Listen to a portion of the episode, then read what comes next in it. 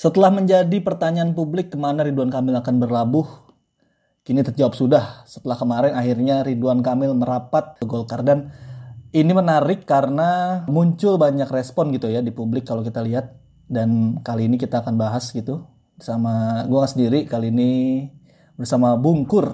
Halo Bungkur. Yo, halo, yo, yo, yo, Selamat pagi, ah. siang, sore, malam.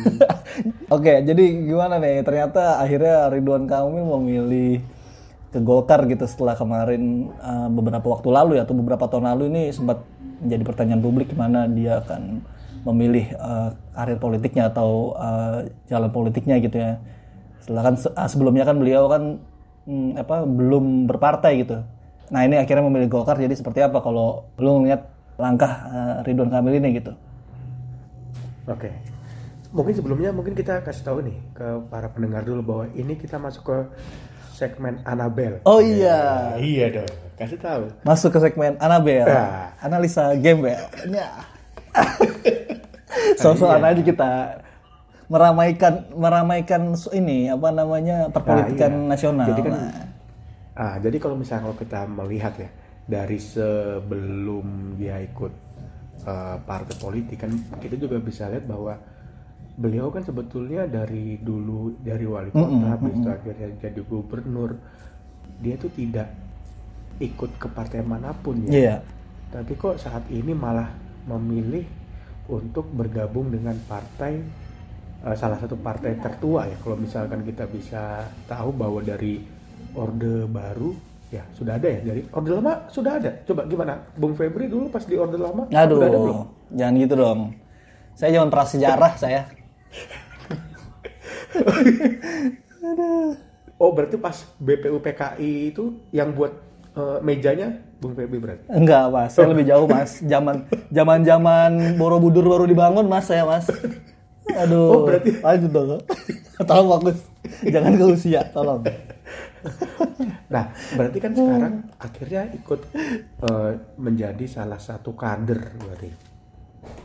Berarti mungkin hmm. uh, kalau misalnya kita bisa mengamati di sini ada uh, apa ya karir politik yang ingin lebih dicapai oleh uh, Ridwan Kamil ya. Kalau misalnya kita berkaca dari uh, cara beliau memilih akhirnya ke partai beringin bukan ke partai yang lain ya mungkin ada salah hmm. ada mungkin ada ini ya apa keinginan keinginan ke depan itu ingin lebih dari sekedar jadi gubernur seperti itu. Hmm. Tapi kalau sebelum kita uh, jauh gitu ya menganalisa apa langkah uh, eh, RK tersebut, gue pengen baca dulu nih ya dari salah satu artikel. Jadi kenapa gitu alasan Ridwan Kamil memilih Golkar gitu ya. Ini gue uh, kutip dari tempo.co. Jadi alasan pertamanya uh, RK bilang kalau Golkar itu merupakan partai politik Indonesia yang berada di tengah dan menghindari konflik identitas gitu ya. Uh, dan uh, alasan kedua ya partai Golkar dinilai memiliki sejarah institusi yang sangat terhormat dan menurutnya konsisten membangun maupun kenegaraan. Hmm, kayaknya normatif ya. Nah, yang ketiga uh, menurut Ridwan Kamil jadi uh, uh, dia itu memiliki hubungan apa ya yang baik gitu ya dengan dengan Erlangga. Jadi uh, hubungan yang baik yang terjalin itu yang membuat akhirnya keputusan Ridwan Kamil memilih Golkar. Melihat tiga alasan itu kira-kira gimana? Emang make sense gak sih maksudnya emang uh, RK tuh memilih Golkar gitu karena ya itu tadi dengan tiga alasan itu gitu. Kalau menurut gue ya, kalau menurut gue pribadi memang langkah RK ini memilih gabung Golkar adalah sebuah keberanian, Bre. Karena kita tahu sendiri uh, ada juga calon atau kepala daerah yang pernah uh, diusung nih ya. Dia nggak berpartai tapi diusung gitu sama partai gitu. Ya Anies Baswedan kita kita kita sebut aja. Nah, sampai sekarang kan dia belum belum menentukan arah uh, ibaratnya kelaminnya gitu, kelamin politiknya. Kalau kita tahu uh, sekarang mungkin dia dekat di Nasdem, tapi itu kan nggak secara secara resmi dia kader Nasdem gitu. Meskipun memang dulunya adalah pendiri Gerakan Nasional Demokrat itu kan yang restorasi itu.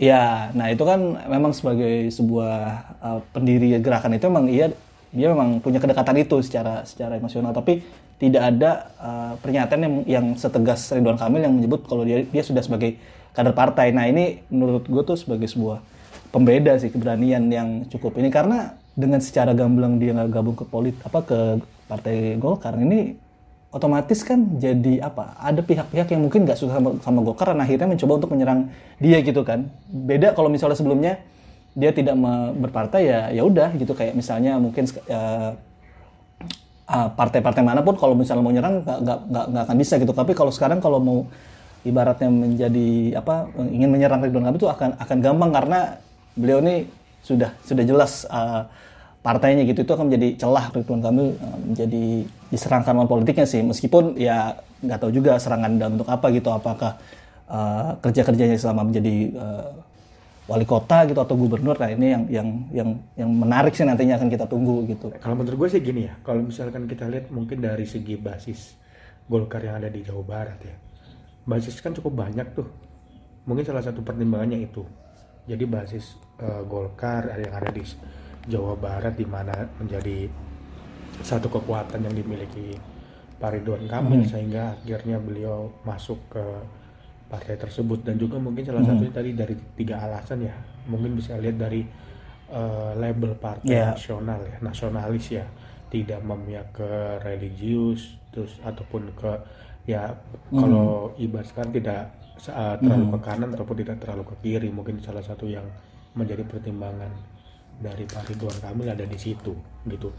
Nah kalau misalkan kalau kita lihat juga yang kedua tadi dari segi eh, apa ya dari segi misalnya kan eh, kepartaian sendiri ya. Kalau dari segi kepartaian sendiri kan kalau kita bisa lihat eh, Partai Golkar kan salah satu partai yang memiliki basis akar rumput yang kuat ya. Walaupun banyak juga partai-partai baru yang saat ini muncul, jangan kan seperti itu. Kita lihat juga sebetulnya partai-partai baru itu juga sebenarnya orang-orang Golkar kan. Ya. Kalau misalkan kita bisa lihat, coba apa? Contohnya Partai Nasdem dulunya Pak Surya Paloh kan Golkar ya. Nah terus eh, Pak Prabowo iya ya, iya. Terus Wiranto dulu waktu pas mendirikan Hanura ya. Ah terus juga siapa lagi? itu sih paling kalau lebih banyak ya. berkarya Ya Berkarya. ya, berkarya juga tuh kan salah satu yang dimiliki cendana ya eh, kendaraan politiknya cendana di situ. Yang mungkin bisa kita lihat bahwa akarnya bagus, rumputnya bagus. Mungkin di situ akhirnya eh, Pak Ridwan Kamil akhirnya memilih untuk bisa ataupun akhirnya memilih partai politik salah satu partai politik yang ada di di Indonesia gitu. Hmm.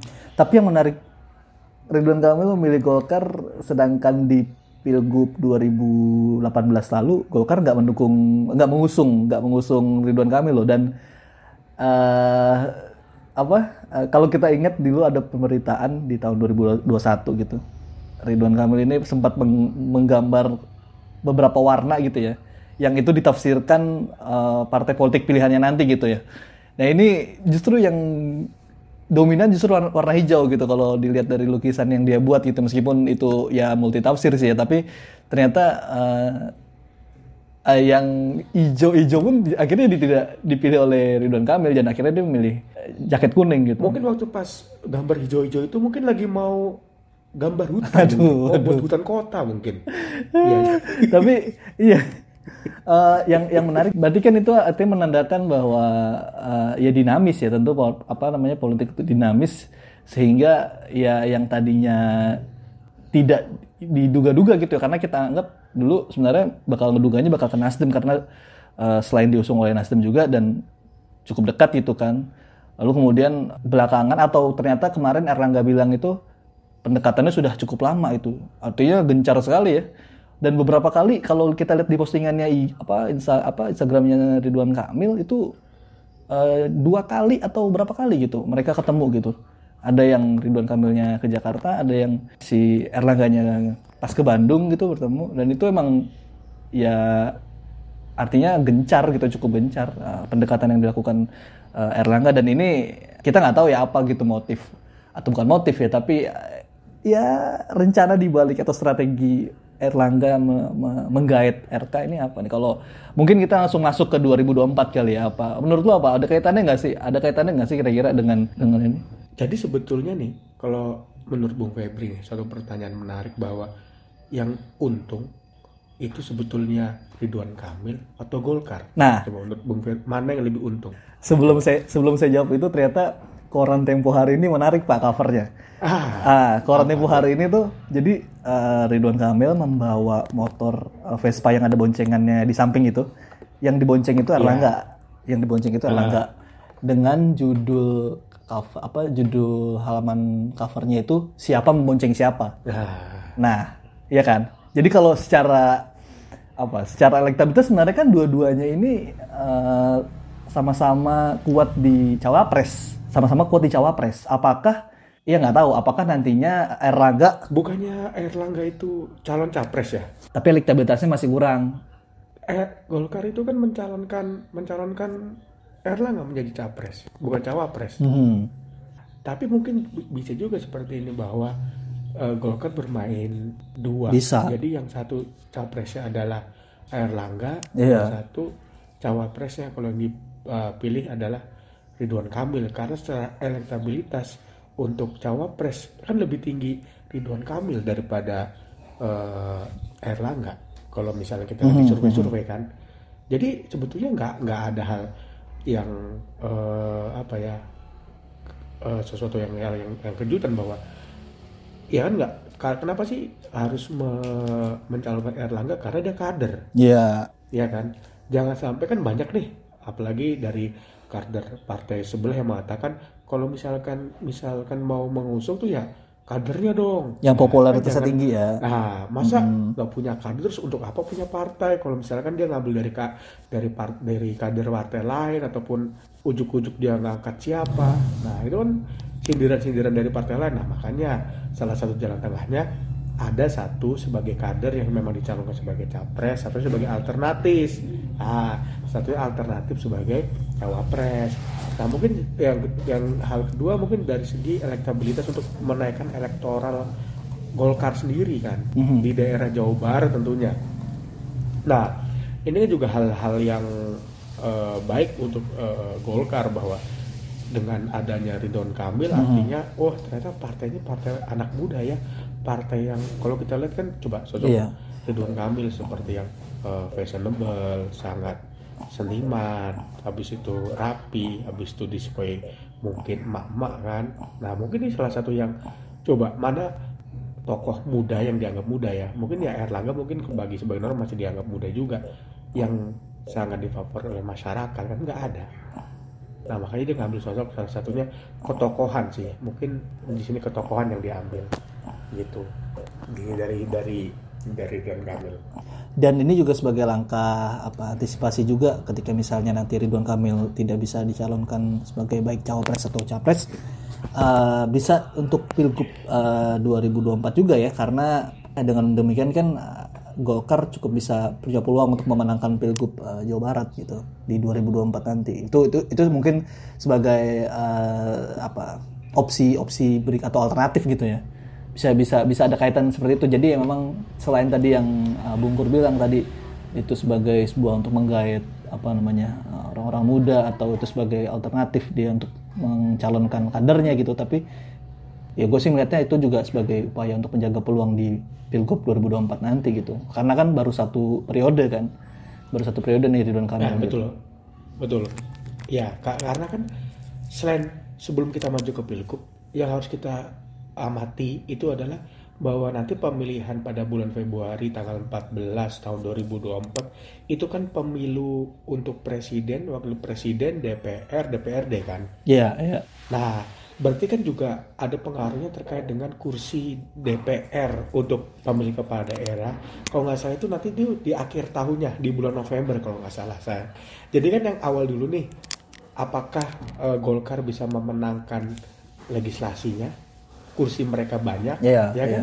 Nah, kan dia tidak hanya memikirkan masalah siapa presidennya, Mm-mm, mm-mm. presidennya iya, yang kedua juga pemilihnya untuk menaikkan apa menaikkan angka presidensial thresholdnya untuk nanti di tahun 2000 berapa berarti 2000 2007 ya, ya kan? Mm-mm. 2000 do- oh ya 2028 2027 lah kurang lebih di situ nah berarti kan ini juga menjadi target gitu ya berarti untuk lumbung suaranya Golkar nanti untuk pemilihan legislatif jadi dia menggait eh, tokoh-tokoh yang bisa menaikkan suara partai, memperbaiki kita partai, partai gitu loh. Bahwa di bawah air langga partai Golkar tuh bisa mentransformasikan eh, arah partai menjadi lebih modern, lebih eh, nasionalis, lebih tidak menggunakan eh, politik identitas ataupun sara. Ini mungkin ke depannya mungkin akan digambarkan seperti itu. Gitu Bung. Febri. Mhm, mhm, mhm. Ya, ya, ya menarik sih. Makanya patut ditunggu juga nih apa langkah selanjutnya setelah RK apa namanya eh, maju gini atau apa eh, bergabung ke Golkar ini. Jadi jadi apa?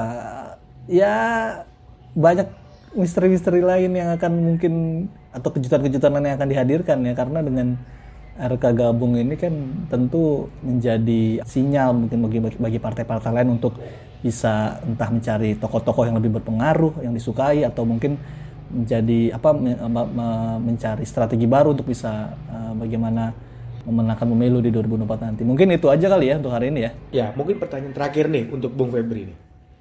Mhm. Apa tuh? Kira-kira Pak Ridwan Kamil tuh sebenarnya cocok nggak masuk Golkar?